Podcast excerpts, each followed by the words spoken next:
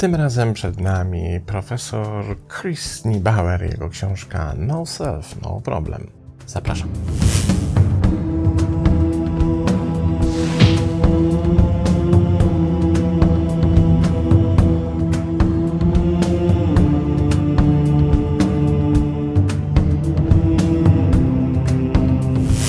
Tradycyjnie, zanim zajrzymy do książki, sprawdźmy, kim jest jej autor. Pan profesor uzyskał doktorat z neuropsychologii poznawczej na Uniwersytecie w Toledo, specjalizując się w różnicach pomiędzy aktywnością lewej i prawej półkuli ludzkiego mózgu.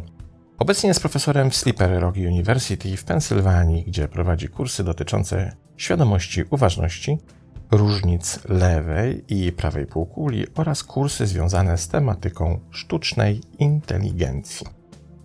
Książka ukazała się w roku 2019, jak na razie nic nie wskazuje na to, by miała się ukazać w Polsce, a jest książką niezwykle istotną, by nie rzec przełomową.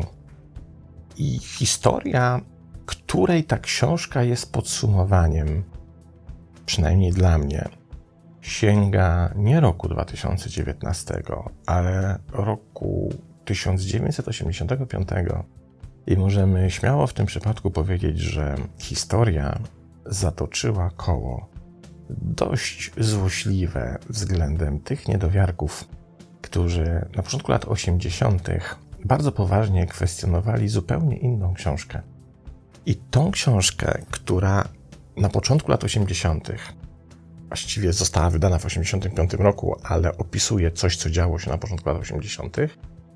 Ta książka wywołała spory skandal. Właściwie na całym świecie, a przynajmniej w tej jego części której ludzie interesują się duchowością, ale też połączeniem pomiędzy wschodem a zachodem, pomiędzy dokonaniami tego, co zadziało się w umysłach mistyków, a tym, co zadziało się w laboratoriach fizyków kwantowych. I ta książka jest niezwykła. Ja ją przyniosłem, żeby Wam pokazać. Wyszła w Polsce w 1994 roku, ale jej oryginał ukazał się w Wielkiej Brytanii w roku 1985.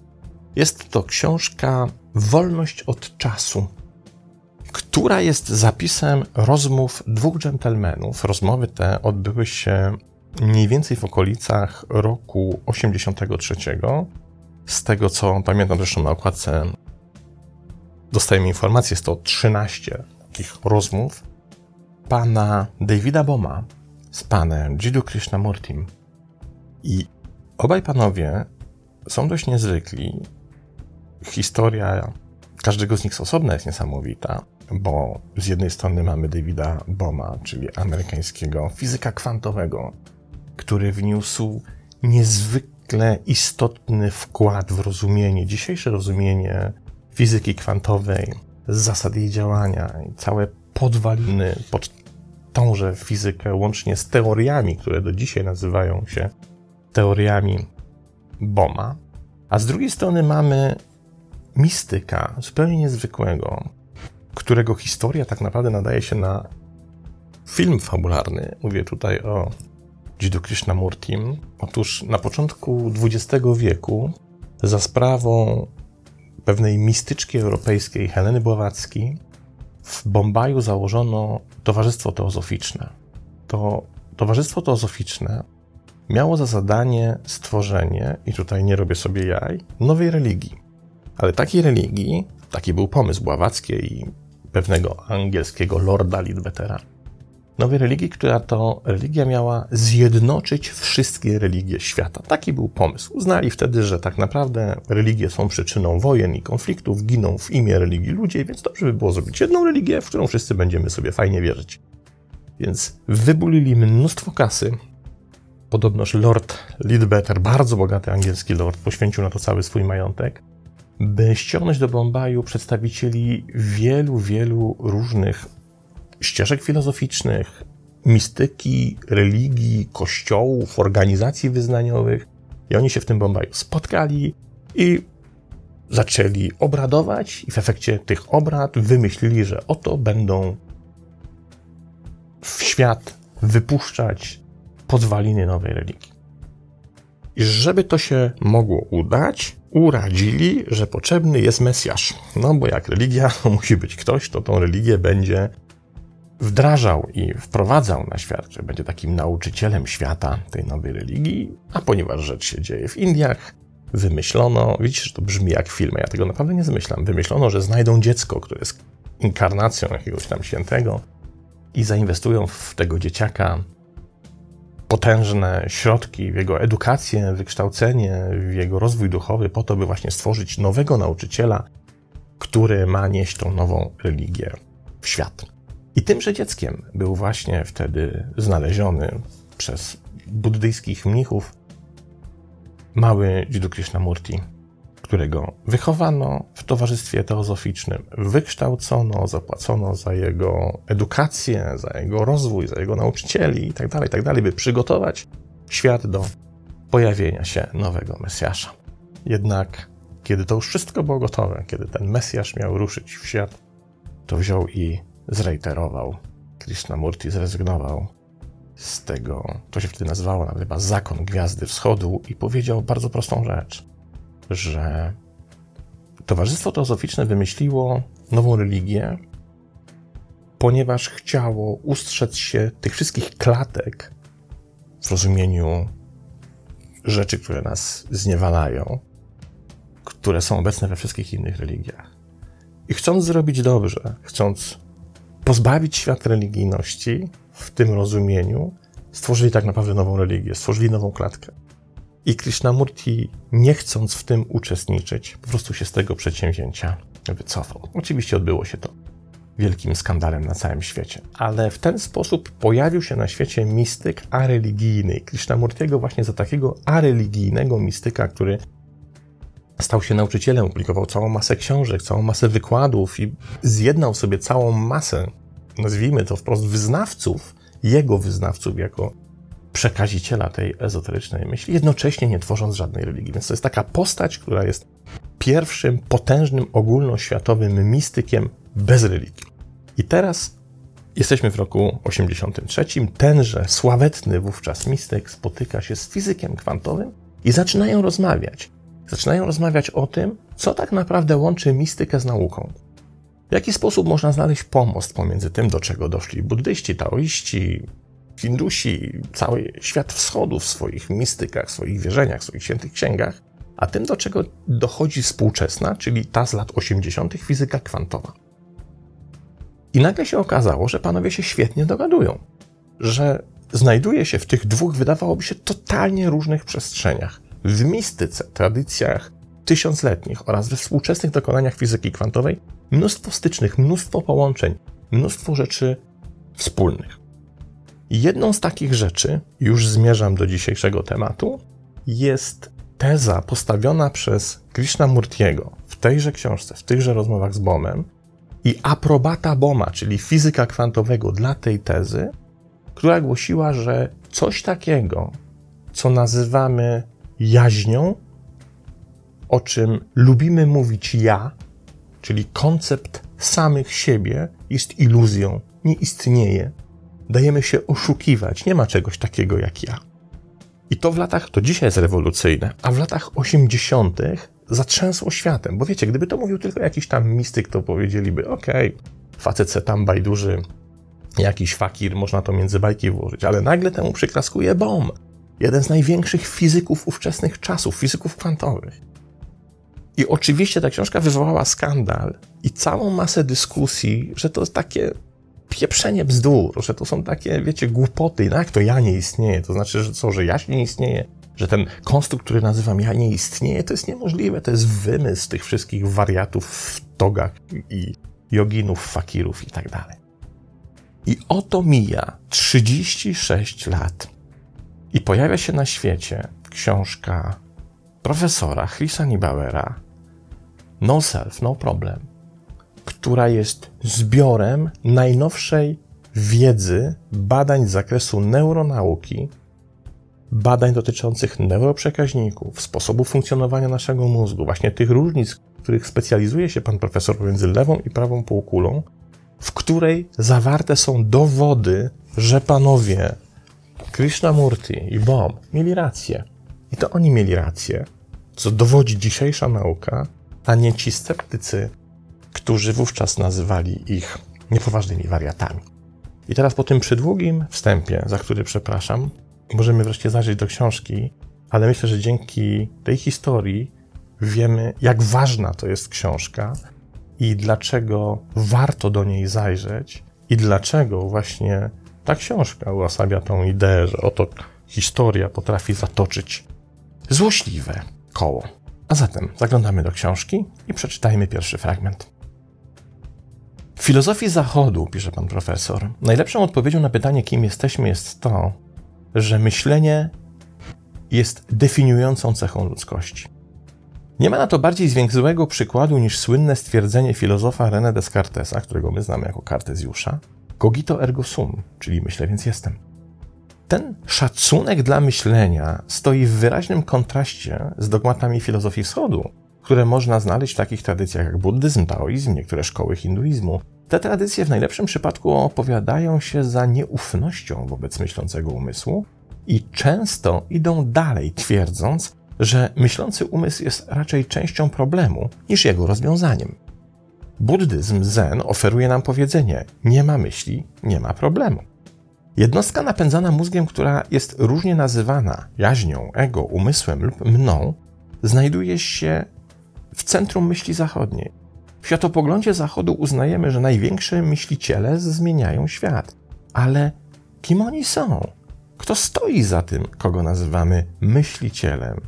Przyjrzyjmy się bliżej myślicielowi, temu terminowi myśliciel lub terminowi mnie, które wszyscy przyjmujemy za pewnik i co reprezentuje tak naprawdę ideę naszej indywidualnej jaźni, która znajduje się gdzieś między uszami, za oczami i pilotuje ciało oraz kontroluje myśli i emocje.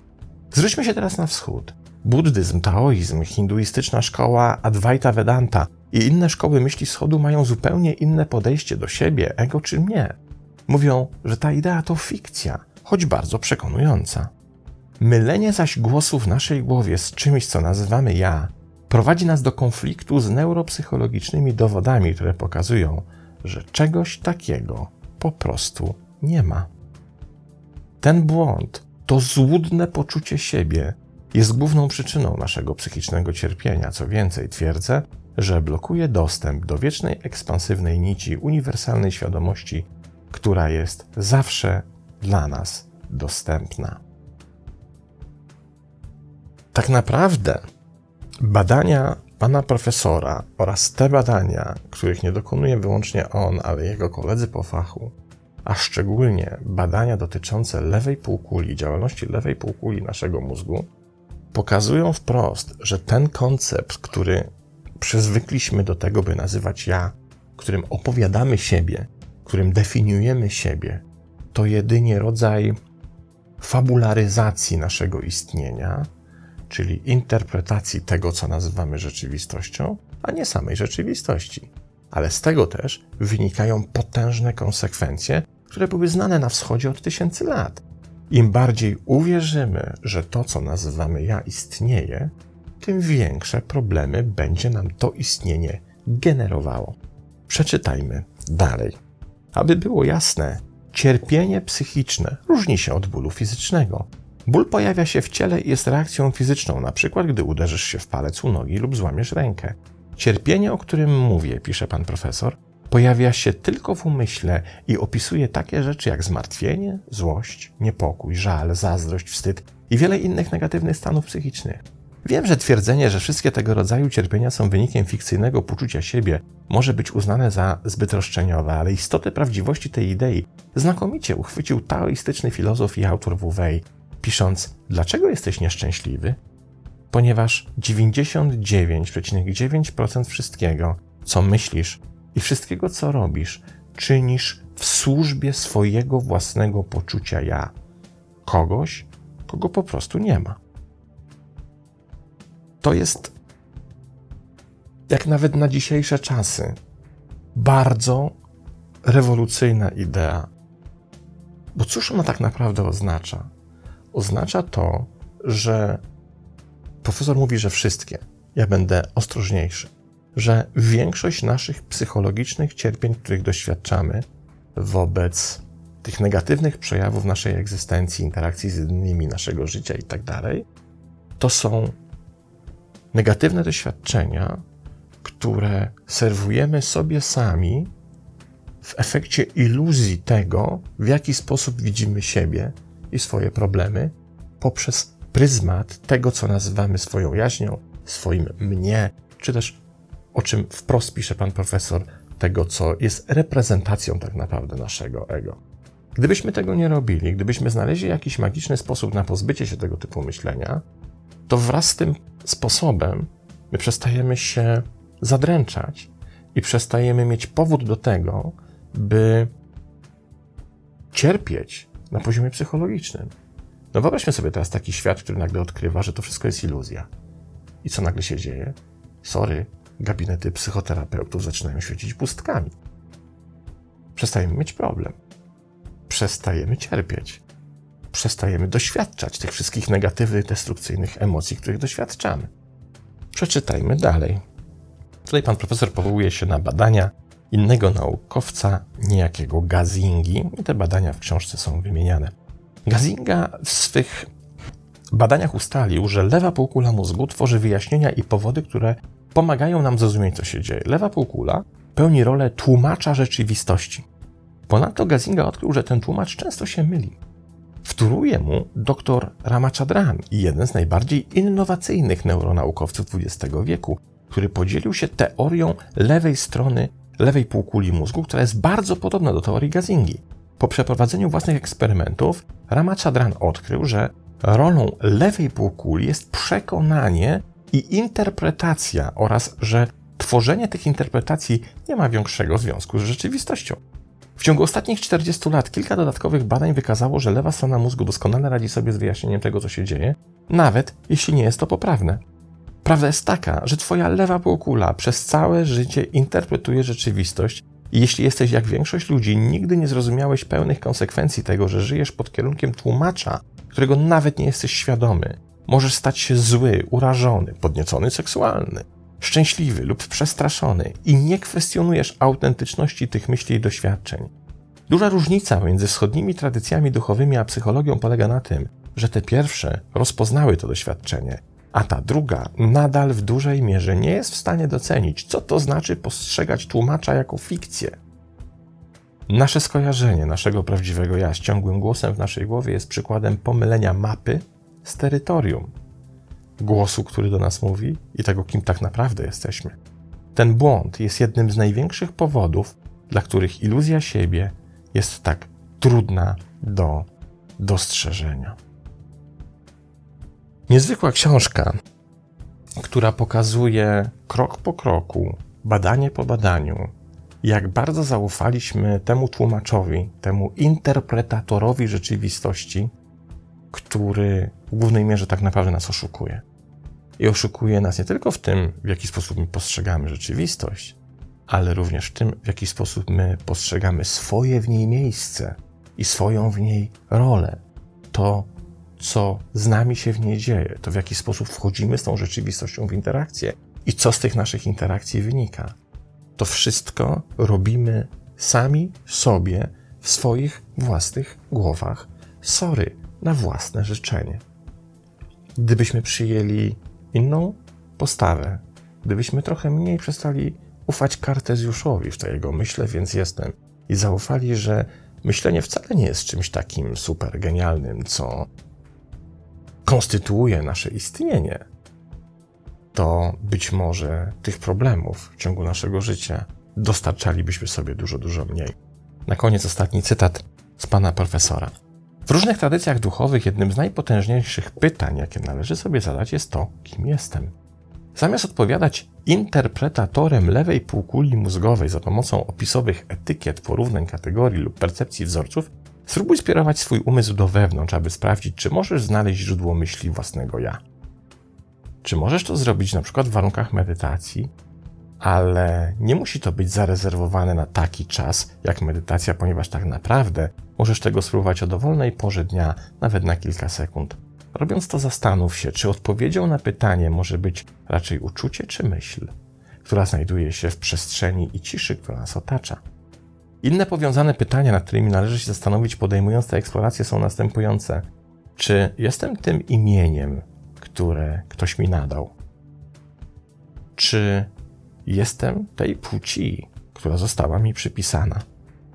Czy jestem pracą, w której pracuję? Czy odgrywam role społeczne i jestem tymi rolami, które odgrywam? Czy jestem w takim wieku, w jakim mówi mi społeczeństwo? Czy jestem taka lub taki, jak definiuje mnie społeczeństwo? Czy jestem ciałem, za pomocą którego inni mnie określają? Czy jestem myślami w mojej głowie, czy jestem moimi pragnieniami, emocjami, reakcjami? Czy jestem swoimi oczekiwaniami?